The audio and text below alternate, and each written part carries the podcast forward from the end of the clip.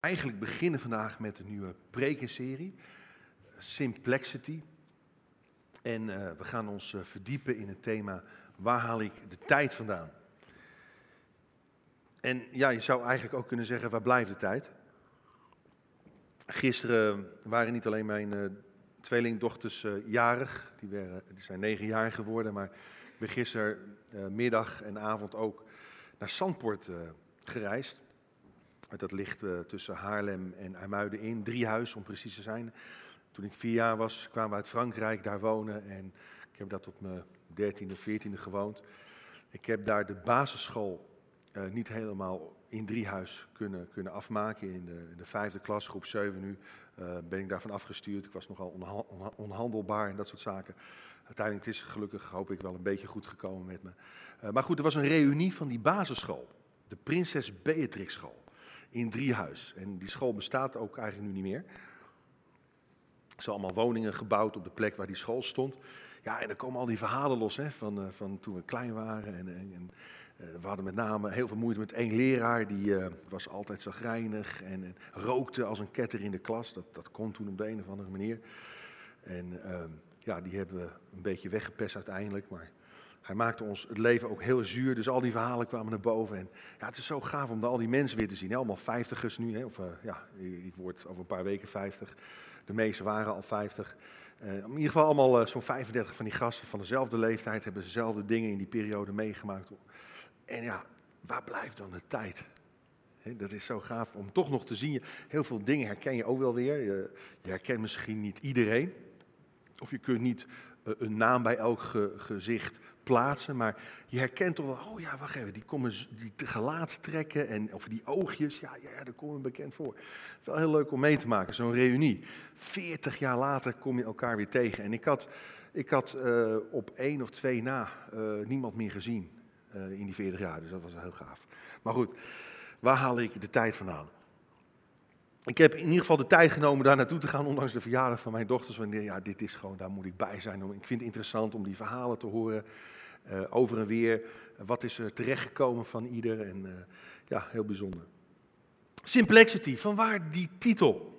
Eigenlijk omdat um, dit het tegenovergestelde is voor complexity of complexiteit. Het tegenovergestelde dus van ingewikkeld. Simplexity, uh, vereenvoudiging.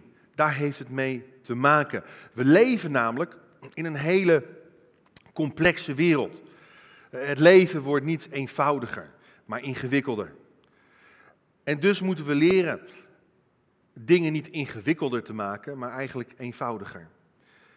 Maar je leven vereenvoudigen is toch niet zo makkelijk als we misschien wel denken. Steve Jobs, een visionair genie, die de hele Apple-industrie eigenlijk heeft opgebouwd, en iedereen die heeft wel een, een iPhone of een Apple of een iMac of uh, weet ik wat allemaal. Maar hij, hij zei het volgende. Hij zei, lees je mee, eenvoudig kan veel moeilijker zijn dan complex. Je moet harder werken om zo te denken dat het eenvoudiger wordt. Maar het is het uiteindelijk waard, omdat je als je eenmaal op dat punt bent, bergen kunt verzetten eigenlijk nog veel productiever, misschien efficiënter in het leven kunt staan, in datgene wat je doet.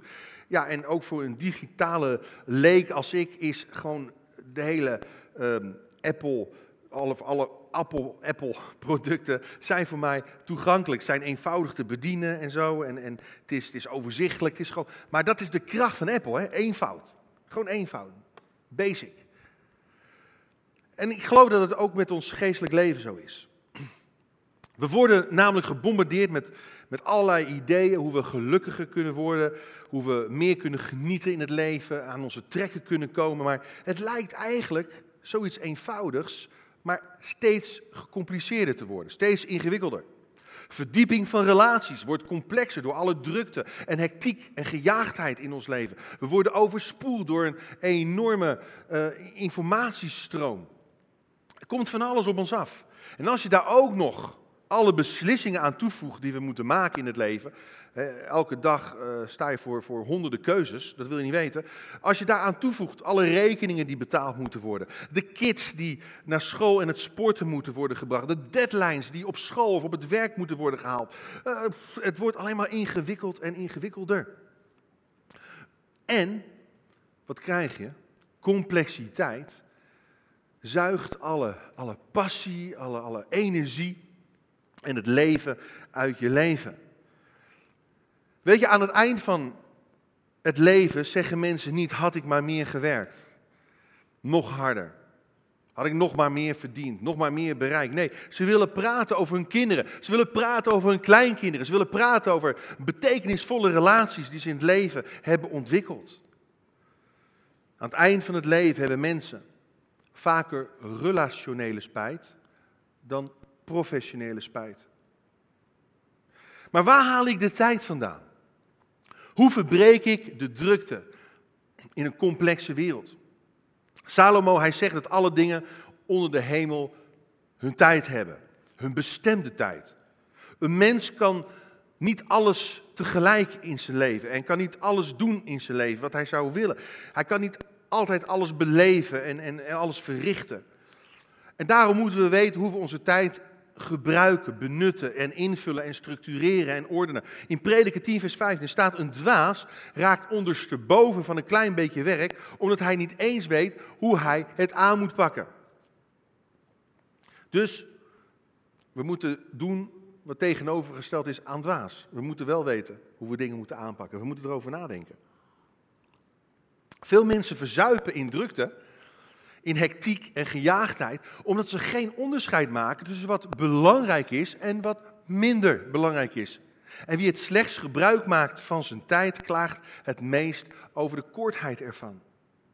Ik heb gelezen dat aan, aan het eind van iemands leven, aan het eind van zijn leven, een gemiddeld mens zes maanden in zijn leven, zes maanden lang voor het stoplicht heeft gestaan. Ja, in jouw leven sta jij zes maanden lang voor een stoplicht. Acht maanden ongewenste post heeft opengedaan. Acht maanden van je tijd, van je leven. En één jaar naar dingen heb gezocht die je kwijt was. Een vol jaar. Verspeeld, om zo maar te zeggen. Twee jaar zonder succes mensengedrag terug te bellen. Herken je dat? Je wilt ze nemen me niet op, je krijgt de voicemail. En vijf jaar van je leven in de rij hebt gestaan. Ja, daarom hou ik ook niet van wachten. Vijf jaar van, van je leven in de rij staan. Of het nou achter de kassen staan, of misschien wel in een file, weet ik wat. Maar even, even een paar vragen. Want dat doet mij wel, of dat zet mij wel aan tot nadenken natuurlijk. Even een paar vragen. Je hoeft je hand niet op te steken, mag hoor. Maar, maar wie voelt zich de laatste tijd gestrest? Kijk, ja, oké. heel eerlijk. Of regelmatig gestrest, kan ook natuurlijk. Ja. Oké, nog, een vraag. Wie zou meer tijd voor zichzelf willen hebben? Ah, kijk. kijk. Ja, dus gewoon meer aan zichzelf willen toekomen. Uh, nog een vraag. Wie zou meer tijd met God willen doorbrengen? En denk dan ook aan stille tijd. Ja, bijna iedereen. Meer stille tijd, meer tijd misschien voor aanbidding en, en, en geloofsopbouwende boeken lezen, dat soort dingen. Maar het probleem is dat bedrijvigheid een culturele waarde in onze samenleving is geworden. Ik wil dat uitleggen. Je bent namelijk een interessant mens als je zegt dat je het druk hebt, of niet? Dan kom je misschien wel, dat denkt men, interessant over. Stel je voor dat mensen denken dat je lui bent. Dat is slecht voor je imago. Dat wil je niet. Sommige mensen scheppen er zelfs over op. Oh, ik ben zo druk. Oh, ik ben zo druk. Oh, ik heb deze week zo druk gehad. Zo, oh, zo druk. Uh, Oké, fijn. Ik ben zo interessant. Oh, ik heb dit gedaan. Ik heb dat gedaan. Oh, ik ben belangrijk. Ja, druk zijn maakt ons belangrijk, denken we. En de, het probleem is, dus, we willen meer en meer doen, meer bereiken, meer krijgen, meer en meer en meer. Maar helaas eist een leven op, op topsnelheid altijd zijn tol. Je betaalt achteraf ergens altijd wel de rekening. Henry Cloud, een psycholoog, hij zei dat eenvoud de sleutel is om van een complex leven een succes te maken. Weet je, drukte is een killer voor relaties. Het is een, een killer voor intimiteit met, met je partner. Het is een killer voor, voor echte, diepe levensvreugde, voor, voor onze passie. En als we niet breken met drukte, breekt drukte ons. Het berooft ons van het overvloedige leven, de volheid van leven die Jezus is komen brengen en wil geven. Voor alle duidelijkheid, een vereenvoudigd leven gaat er niet om dat je niet meer hoeft te werken of zo. Of dat je niet dienstbaar moet zijn. Daar gaat het niet om. Het gaat om een gezonde en geestelijke inschatting van wat belangrijk is en wat niet. Wanneer iets belangrijk is en wanneer niet of minder. Het gaat dus om in balans komen met hoe God je bedoeld heeft, met de mogelijkheden, de talenten, de gaven, de middelen die je hebt en ook binnen de tijd die je krijgt. Er zijn eigenlijk twee feiten over, over onze tijd te zeggen. Twee korte feiten. Allereerst, onze tijd is beperkt. Onze tijd is niet onbegrensd. En natuurlijk, ergens weten we dat wel, maar we doen alsof we onbeperkte tijd hebben. Maar er staat in Job 14, vers 1, lees mee, de mens uit de vrouw geboren is kort van dagen en zat van onrust. Zijn dagen zijn vastgesteld, het getal van zijn maanden is bij u bepaald. Heer, u hebt zijn grenzen gesteld. Dus God heeft ook grenzen gesteld. God is in dat opzicht niet grenzeloos. Hij heeft ook grenzen gesteld. Maar we gaan met onze tijd om alsof het onbeperkt is, onbegrensd is. Maar dat is niet zo. Elke seconde die je krijgt, wordt in beslag genomen. Door het een of het ander. Kijk, je spaart geen tijd op. Voordat je sterft kun je geen tijdrekening openen met daarop nog één jaar ongebruikte tijd te besteden. Of verspilde tijd heb je of opgespaard. Dat, dat, werkt zo niet. Je kunt geld sparen, jawel, maar je kunt geld, tijd niet sparen. En onze tijd zal dus worden uiteindelijk opgeslokt in eeuwigheid. En dan hebben we alle tijd. Alle tijd om God te aanbidden, van God te genieten, van God te leven. Maar goed, ten tweede. Tweede feit, al onze tijd wordt gebruikt. En er is altijd iets of iemand die bepaalt hoe jij je tijd spendeert. Ja? Uiteindelijk ben je wel zelf verantwoordelijk daarvoor, hoe het uiteindelijk wordt ingevuld. Maar in veel gevallen zijn er ook andere personen of instanties die de invulling van onze tijd bepalen. Dat kunnen onze kinderen zijn, dat kan onze werkgever zijn, ons werk, etc. Maar we zijn er zelf verantwoordelijk voor om te bepalen waar de meeste tijd en aandacht naar uitgaat. En natuurlijk moet je ook werken om de brood te, je kost te verdienen, et cetera. Dus daar gaat ook vaak de meeste tijd uit, dat is logisch. Maar ook daarbinnen en daaromheen ben je zelf verantwoordelijk wat je doet met je tijd. En, en als God de Heer is over onze tijd, en als hij, hij de eeuwige is en boven de tijd staat, hem komt alle eer toe, maar ook onze tijd. We mogen onze tijd ook aan hem toewijden en heiligen in dat opzicht. Maar vaak zeggen we dingen als, ik weet dat het belangrijk is, maar dat komt later wel. Herken je dat? Of, of ik weet dat ik het nu heel druk heb, maar het wordt straks wel wat rustiger. Het wordt helemaal niet rustiger, vaak. Het probleem is dit. Het urgente, het, het, het dringende in ons leven, wint het vaak van het belangrijke in ons leven. En als het urgente voortdurend, misschien wel structureel, de belangrijkere dingen in ons leven wegdrukt, dan raken we uit balans. En als we uit balans raken, raken we uitgeput en oververmoeid. En lopen we op een gegeven moment vroeg of laat tegen een burn-out aan. En er zijn hier veel jonge mensen, maar hey, onderschat het niet. Ook jonge mensen. Steeds vaker, steeds meer zie je dat ze in een burn-out terechtkomen. Dus pas op.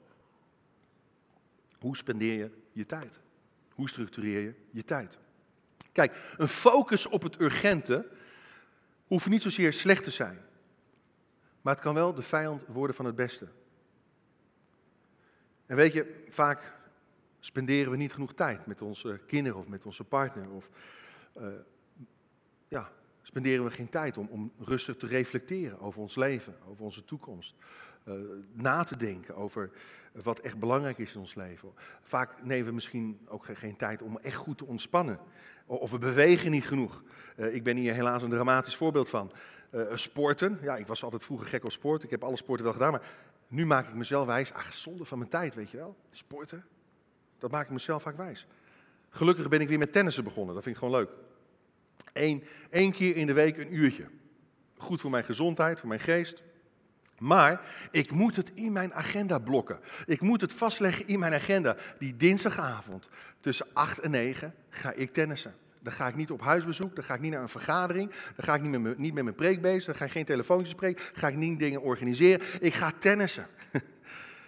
En zo zijn er meer dingen die je gewoon moet blokken, moet vastleggen in je agenda. Misschien wel je dagelijkse tijd met God. Al is het 10 minuten, al is het 15 of 20 of een half minuut of een half uur. Misschien wel tijd met je kids. Oké, die vrijdagavond, gezinsavond. Klaar. Of misschien wel tijd voor je kleine groep. Tijd voor je bediening in de gemeente. Kijk, het gaat dan niet zozeer om de kwantiteit, maar wel om de kwaliteit van tijd. Ik wil een voorbeeld noemen. John Grisham, ehm, een bekende schrijver. Er zijn ook boeken van hem verveeld. Een bekende Amerikaanse schrijver, John Grisham. Voordat hij auteur werd, was hij een, een, een gewoon een goede, succesvolle advocaat. Maar hij, hij, haatte zijn baan en hij wilde zo graag, graag worden. Weet je wat hij deed? Hij, hij, maakte een besluit. In zijn agenda schreef hij in, in de vakjes voor de vroege ochtenduren het woordje schrijven op. Dus elke dag ging hij een uur eerder naar zijn kantoor. En ging hij gewoon van 7 tot 8 schrijven. Eén pagina per dag. En dat is uitgegroeid. Die gewoonte die is productief geworden. Heel eenvoudig. Weet je nog? Eenvoud. Simplexity. Gewoon elke dag. Uiteindelijk is hij nu een van de meest bekende, succesvolle en geliefde christelijke schrijvers van deze tijd. John Grisham. En dat is de kracht van één enkel woord. In je agenda. Schrijven. Misschien wel sporten.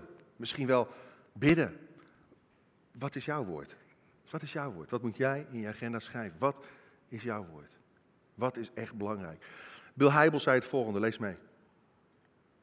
Mijn agenda gaat veel meer over wie ik wil worden en veel meer over wat ik wil bereiken in het leven. Wie wil je worden? Hoe vaak hoor ik mensen ook niet zeggen, ik, ik, ik was zondag te druk om naar de kerk te gaan. We moesten even bijkomen van de week. Bijkomen? Het lijkt soms wel alsof mensen zeggen, uh, uh, we gaan uh, kop of munt spelen. Wat betreft ons, ons, kerkbezoek. Of ik wel of niet ga. Maar weet je, dit, dit zou juist geen optie moeten zijn, maar een prioriteit. Want een dienst, ook zoals deze, gaat bij uitstek over wie ik wil zijn of worden. En de mate van verbondenheid met andere gelovigen daalt gigantisch snel als je niet regelmatig elkaar ontmoet en opzoekt. En je geestelijk leven heeft onder andere de dynamiek van gezamenlijke aanbidding nodig. Dus hoe breek ik met drukte? Nou, laten we kijken naar het leven van Jezus. Jezus, hij, hij verrichtte vele wonderen en tekenen. Hij, hij genas mensen, hij dreef boze geesten uit. Hij hielp mensen, uh, hij zegende mensen. Hij, hij sprak uh, urenlang soms wel. Hè. De hele bergreden, uh, dat was niet een, een, half uurtje of zo. Dat, dat was misschien wel een hele dag dat hij aan het preken was. Dus je kunt je voorstellen dat hij ook moe werd. En dat hij op een gegeven moment zijn tank ook leeg raakte. En, en we lezen in de evangelie dat hij zich regelmatig terugtrok in de eenzaamheid, in de stilte om te bidden. Om God de Vader te zoeken. En uh, dat niet alleen. Hij trok zich soms ook terug gewoon bij vrienden om lekker te chillen. Gewoon lekker te chillen.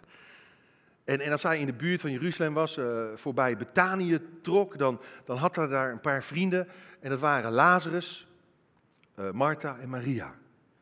En ze ondersteunden hem financieel en waren heel, heel erg gasvrij. En daar kon hij zich ook lekker terugtrekken om te ontspannen en, en tot zichzelf te komen. Om die tank weer op te vullen die namen op te laden. We lezen het volgende, lees mee, Lucas 10, vers 38. Een vrouw van wie de naam Martha was, ontving hem in haar huis.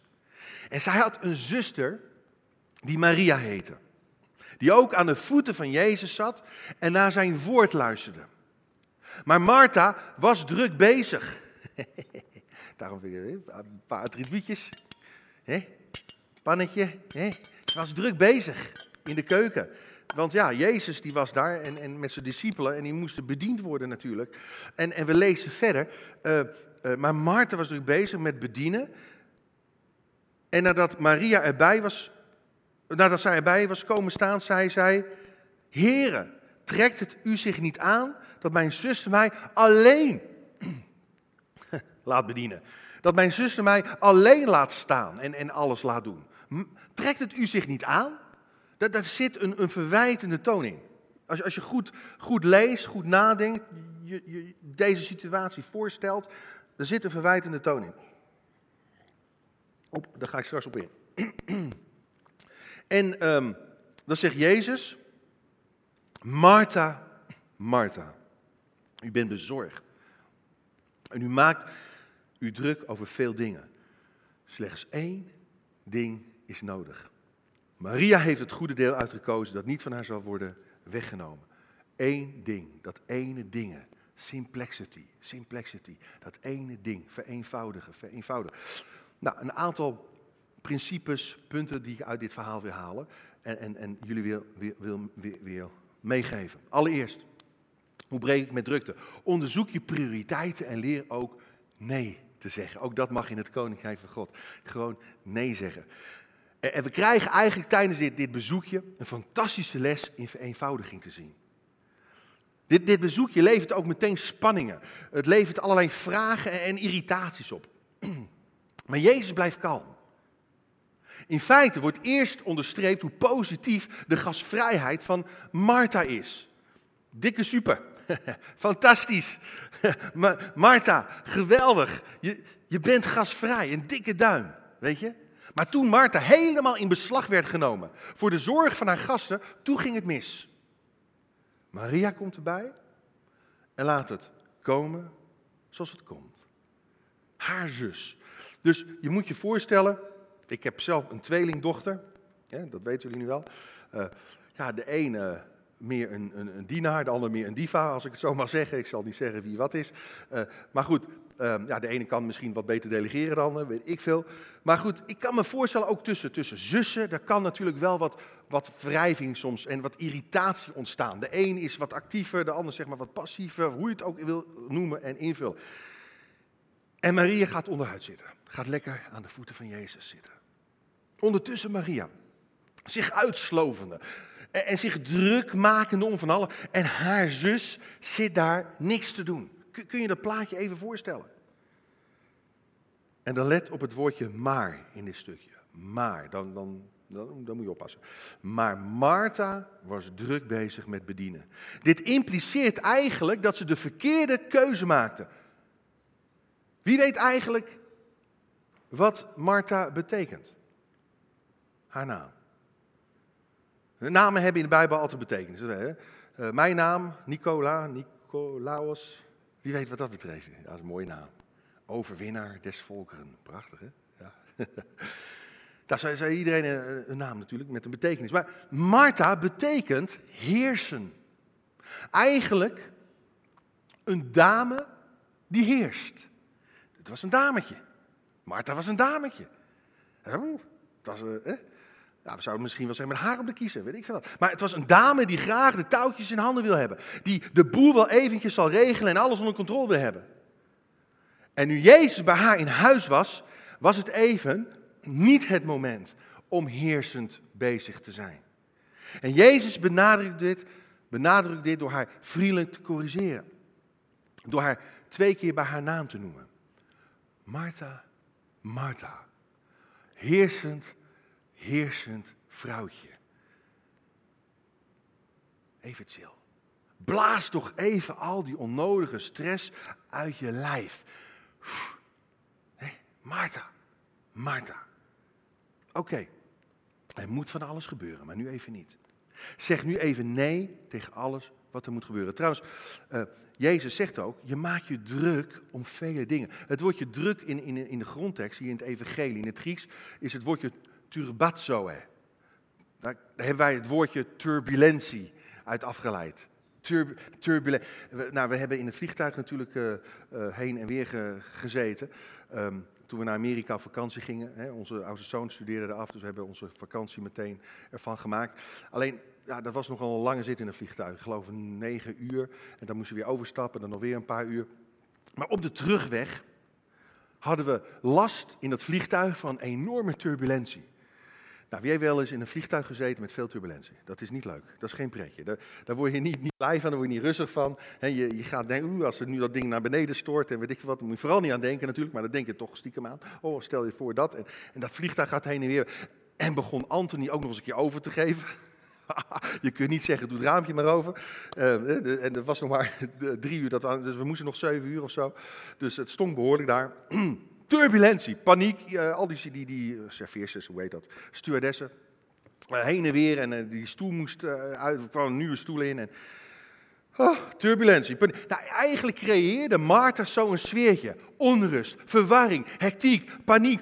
Kijk mij toch, ik ben bezig. Hè. Oeh, zie mij toch. En, en, en, jullie doen heel... Paniek, er was helemaal niks aan de hand. Ze maakten een probleem van iets wat geen probleem was. Ja, sommige mensen zijn er heel goed in. Die maken een probleem van iets wat helemaal geen probleem is. Dan maken zich druk. Waar ze zich niet eens druk over hoeven te maken. Heeft hiermee te maken. Onderzoek je prioriteiten. En leer ook nee te zeggen. Maar Jezus zei eigenlijk, joh, kies nou even in het licht van mijn tegenwoordigheid het beste deel uit. Bekijk dingen even vanuit een ander perspectief. Luisteren naar mijn woorden gaat op dit moment boven alles. En al het andere is daaraan ondergeschikt. En vaak is dat het probleem. Door welke bril kijk jij naar je situatie? Kleuren we alles in vanuit, vanuit onze eigen gevoelens, onze eigen mening, onze eigen beleving? Is alles alleen maar negatief en duister? Of kijken we verder? Kijken we dieper? Kijken we van ons af of kijken we ook naar onszelf? En dan ten tweede. Stop eerst de grote kleren in je koffer en daarna de kleinere. Ik ben inmiddels een expert in geworden, maar ik heb hier een koffertje mee. En toen ik ging inpakken, toen stopte ik eerst mijn schoenen, mijn broeken en mijn colbertje en ik weet niet wat. En toen nog, hè? ja, dat, dat, dat werkte niet. Dat werkte niet. Stop eerst, eerst de grotere dingen en dan de kleinere dingen in je koffer. En, en dat is ook zo met onze tijd, het structureren van, het, van onze tijd. Als, als ik niet begin met wat echt belangrijk is, met de dingen waarmee ik waarde toevoeg, met de dingen die invloed hebben op de persoon die ik wil worden, dan word ik heel snel in beslag genomen. Door dingen die mij afleiden van wie ik wil zijn. En de vraag is, wat geeft jouw energie? Wat moet eerst in die koffer? Wat, wat, is, wat is het belangrijkste deze dag, op dit moment? Wat vraagt God van mij om te doen, hier en nu? Dat is, dat is waardevol. Waar gaat mijn hart sneller van kloppen? Ook op het gebied van, van je geest, je ziel en je lichaam. We zijn een geest, ziel en lichaam natuurlijk een eenheid. Maar op het gebied van je geest, je geestelijk leven. Op het gebied van je, je ziel, je relatie. Op het gebied van je lichaam, sport en hobby's. Wat moet eerst gebeuren? Ik, ik las trouwens deze week in een column dat maar liefst 40% van de Nederlandse werknemers zijn baan zinloos vindt. Dus bijna dus de helft van de Nederlandse bevolking die werkt, vindt zijn baan zinloos. Dan is een burn-out staat op de tocht, als dat zo is. Dat, dat is triest, maar ik heb goed nieuws. Gelukkig ben jij meer dan alleen maar je werk. Paulus zei, let er dan op, lees mee, dat u nauwgezet wandelt, niet als dwazen, maar als wijze. En buit de geschikte of koop de geschikte tijd uit, omdat de dagen vol kwaad zijn. Met andere woorden, wijs. Wees wijs. Hoe weet ik wat groot en belangrijk is tegenover wat minder belangrijk is? De grote vraag, is het wijs? Als je een keuze wil maken. Is het, het kan misschien wel leuk zijn, het kan misschien wel, wel legaal zijn, het kan misschien wel rendabel zijn, iedereen, maar is het wijs? En als we als wijze willen handelen, moeten we ons ook als wijze leren opstellen. Niet zozeer de vraag is het goed of fout, maar is het wijs?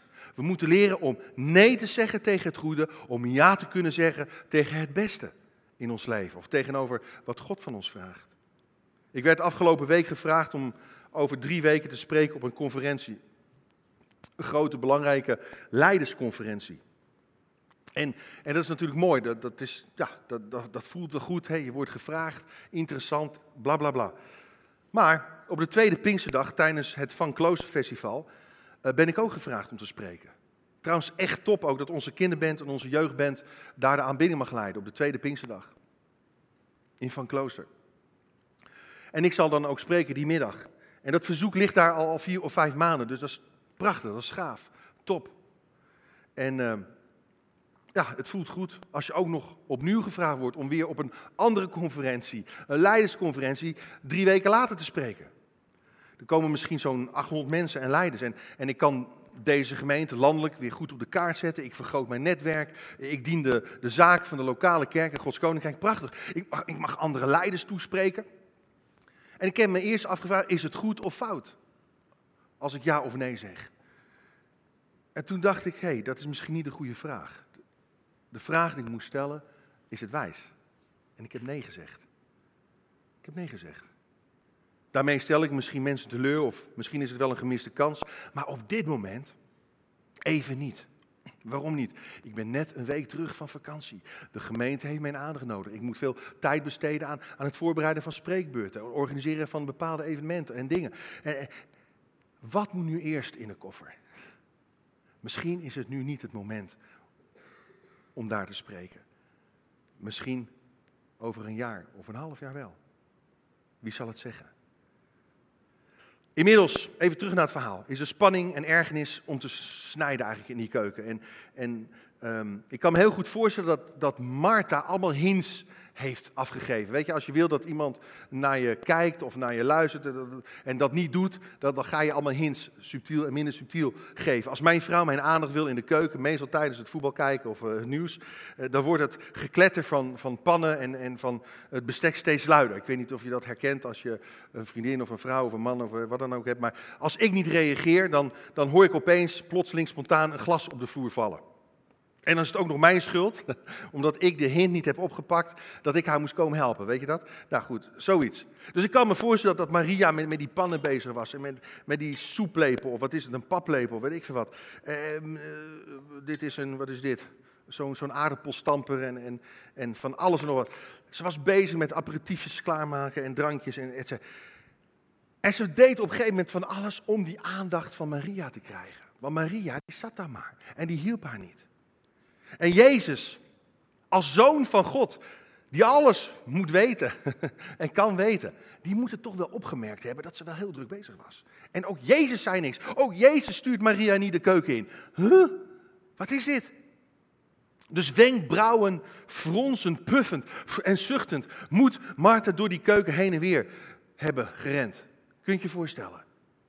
En eigenlijk krijgen we drie indicaties te zien die als alarmbellen moeten afgaan als we ons te druk maken, ons overbelast voelen, misschien wel uitgeput zijn. Allereerst, je gaat zwaaien met, met een soeplepel. Je reageert ten tweede vanuit een stuk wrok of jaloezie. En ten derde, je stapt in een slachtofferrol. Dus wat is de remedie? Het tegenovergestelde. Allereerst, lees mee. Wat moet je doen? Hou op met zuchten en puffen en leg de soep lepel neer. Leg je erbij neer. Je gaat eerst zwaaien met die soeplepel. Kijk mij toch, ik ben druk. Ik ben druk. Heer, kan het u niet schelen. Heer, ziet u niet, eh, et cetera. Kijk naar die zus van mij. Ik doe van alles. En zij loopt straks met ik ben gasvrij. En straks zegt Jezus nog dat, dat zij zo gasvrij is. Terwijl zij geen, geen zak heeft uitgevreten. Ik ben actief en zij is passief. Luister goed. Als er een stortvloed aan verwijten uit je mond komt over iemand, moet er eigenlijk een alarmbel afgaan. Dan ben je al te ver. Martha koesterde ten diepste namelijk wrok in haar hart. Ik werk me uit de naten, zij doet geen mooi. Je gaat klagen over alles en iedereen en verwijten maken en beschuldigingen maken. Heer, trekt het u zich niet aan? Verwijt. Kan het u niet schelen? Verwijt.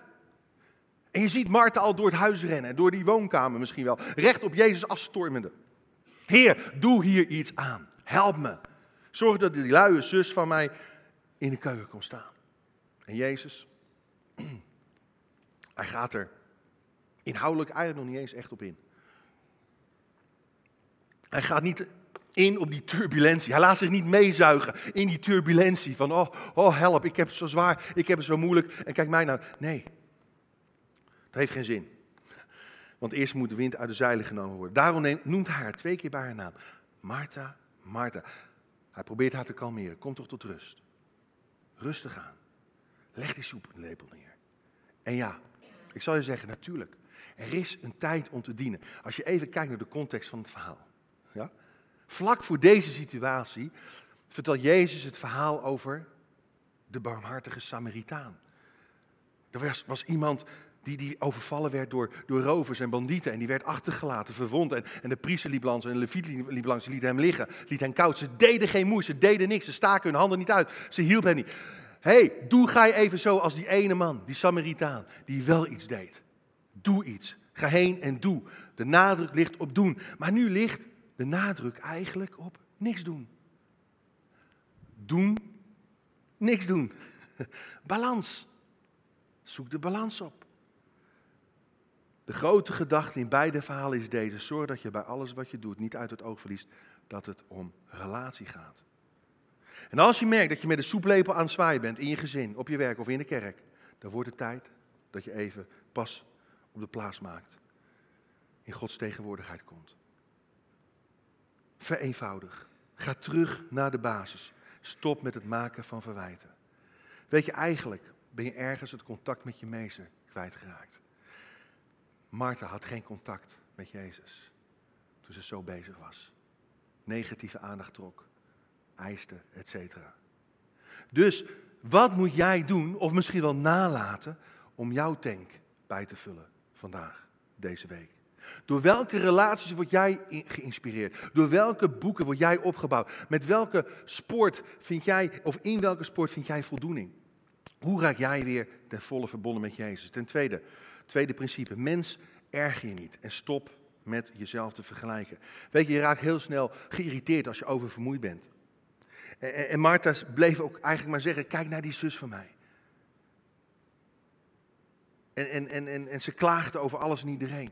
En, en ook als ik vermoeid ben, dan schiet ik heel snel uit mijn slof. En, en dan gaat iets, iets kleins mis en, en het wordt buiten proporties opgeblazen. Ik weet niet of je dat herkent. Of, of de, de hond loopt per ongeluk voor mijn voeten en ik, geef dat ding, of dat beest een schop. Nou, dat doe ik niet zo vaak hoor. Maar ja, als je over, dan word je gewoon snel geïrriteerd. Je wordt humeurig, onaangenaam publiek voor je omgeving. Leg die soeplepel zo snel mogelijk neer en kom erbij zitten, Marta.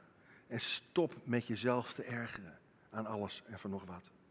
We, verwarren vaak bedrijvigheid met vooruitgang. Of, of we verspillen uh, kostbare uren van ons leven door eindeloos te, te surfen op het internet. Of, of, te zappen voor de tv. Of uh, misschien wel te chatten via WhatsApp. En we bewonderen het leven van anderen. We vergelijken ons in afgunst daarmee. En in plaats van ons eigen leven te leiden en verantwoordelijkheid te nemen voor onszelf. Dus Marta, Marta, vul je naam maar in. Waar maak jij je zo druk om? Bemoei je toch met je eigen zaken. En kom erbij zitten om zelf opgeladen te worden. En dan ten derde. Stap uit de slachtofferrol. En realiseer je waarde. Dat is belangrijk. Weet je, heel vaak houden we een feestje voor onszelf en dat heet zelfmedelijden. Je kruipt in een slachtofferrol. Mijn zus laat mij alleen bedienen. Ik sta er helemaal alleen voor. Niemand die het ziet. Zeg haar toch dat ze me helpt, Heer. Je gaat jezelf zielig vinden. En dat is, dat is foute boel. Daar kom je nergens mee. Want niemand ging in op al die hints. Niemand zag het. Zelfs de Heer. En je voelt je misschien niet gezien, niet geliefd, niet gekend. Waardoor je negatieve aandacht gaat trekken. Je denkt dat je er alleen voor staat. Maar misschien wil God wel jouw aandacht, jouw onverdeelde aandacht. Wat vraagt God van mij hier en nu? Martha, ik kan me voorstellen dat Jezus dat zo zei. Je moet het niet ingewikkelder maken dan het is. Dit bezoek moet je niet zo complex maken. Ik wil gewoon even chillen. Ik wil gewoon je vriend zijn. Ik wil gewoon er voor je zijn. En als ik eten nodig heb, dan regel ik dat wel. Ik kan zomaar van een visje duizenden visjes maken. Van een glaasje water, een heerlijk flesje Chardonnay. Ik ben nu even bij jullie op bezoek tijd te spenderen met mijn vrienden. Er is maar één ding noodzakelijk. Martha miste waar het echt om ging. Martha, Martha, je bent bezorgd, je maakt je druk over veel dingen. Slechts één ding is nodig. Maar Maria, zij heeft het goede deel uitgekozen. Waar kies jij voor? Vereenvoudiging of complexiteit? Dus Jezus zei Martha, ik ga, je, ik ga je zus echt niet de bediening insturen. Dat doe ik niet. Want relatief gezien zijn er belangrijkere dingen op dit moment. En misschien zegt Jezus ook wel tegen jou, ik weet dat je je verantwoordelijk voelt. Dat weet ik. Maar hé, hey, uiteindelijk ben ik de heerser. Niet jij, dametje. Martha, heerser. Ik ben de Heer, ik ben de Heer, ik ben de Heer van de gemeente. Ik ben de Heer van het lichaam. Weet je, we, we, we snakken naar een remedie als het gaat om alle drukte en gejaagdheid in ons leven. En dat tegengif is niet zozeer dat we alles in de keuken voor elkaar moeten hebben. Of dat we op kantoor alles voor elkaar moeten hebben. Het is dat we de, de soeplepel even neerleggen. Misschien wel de iPhone. Hey. Nou, vooruit. Even neerleggen. De computer even uitzetten. En, en een ongestoord gesprek met Jezus gaan voeren. Realiseer je waarde door gas terug te nemen. Want er is niets wat jij kunt doen zodat God meer van jou gaat houden. Er is niets wat je kunt doen waardoor God minder van jou gaat houden. Zijn liefde voor jou is eeuwig en is kostbaar. En geworteld in wie hij is. Niet in jouw prestaties, niet in wat jij doet. In Jezaja 49 vers 16, dan zegt de profeet, kijk, kijk maar. De Heer spreekt door Jesaja. Ik heb jouw naam in mijn handpalm gegrift. En Jezus zei, mijn vader zal degene die mij lief hebben niet uit zijn hand laten roven. Zullen we onze hoofden buigen, onze ogen sluiten. Heer Jezus, help ons Heer om onze waarde te beseffen in het licht van uw genade. Heer, zodat we ons niet elke keer weer hoeven te bewijzen. Natuurlijk mogen we ons best doen. Mogen we het beste van onszelf aan u geven. Onze kostbare tijd aan u toewijden. Maar Heer, ik mag rusten in de waarde die u mij toeschrijft. En God zegt ook tegen jou, jij bent mijn geliefd kind. Jij bent mijn geliefde zoon, mijn geliefde dochter. Heer, help ons om te aanvaarden wat, wat we al hebben, te waarderen. Om te genieten wat we doen. Zonder naar anderen te kijken. Of ze nou meer of minder hebben dan wij hebben. Heer, leer ons om onze grenzen te stellen in het werk wat we doen. Heer, help ons om onze prioriteiten te onderzoeken. En ook onze identiteit in onze relatie met u te vinden, te ontdekken, te ontwikkelen. Heer Jezus, dank u wel dat, dat we hier bij elkaar mogen zijn om uw woorden op te drinken, te, te absorberen. Om ons te voeden, Heer, met deze boodschap, met de tijd van aanbidding en bezinning. Heer, dank u wel dat u mensen wil vullen. Zijn er mensen die gewoon zeggen, ja, bid maar voor me op dit moment. Ik heb het nodig om, gevuld te worden. Ja, dank je wel. Steek maar gewoon even je hand omhoog.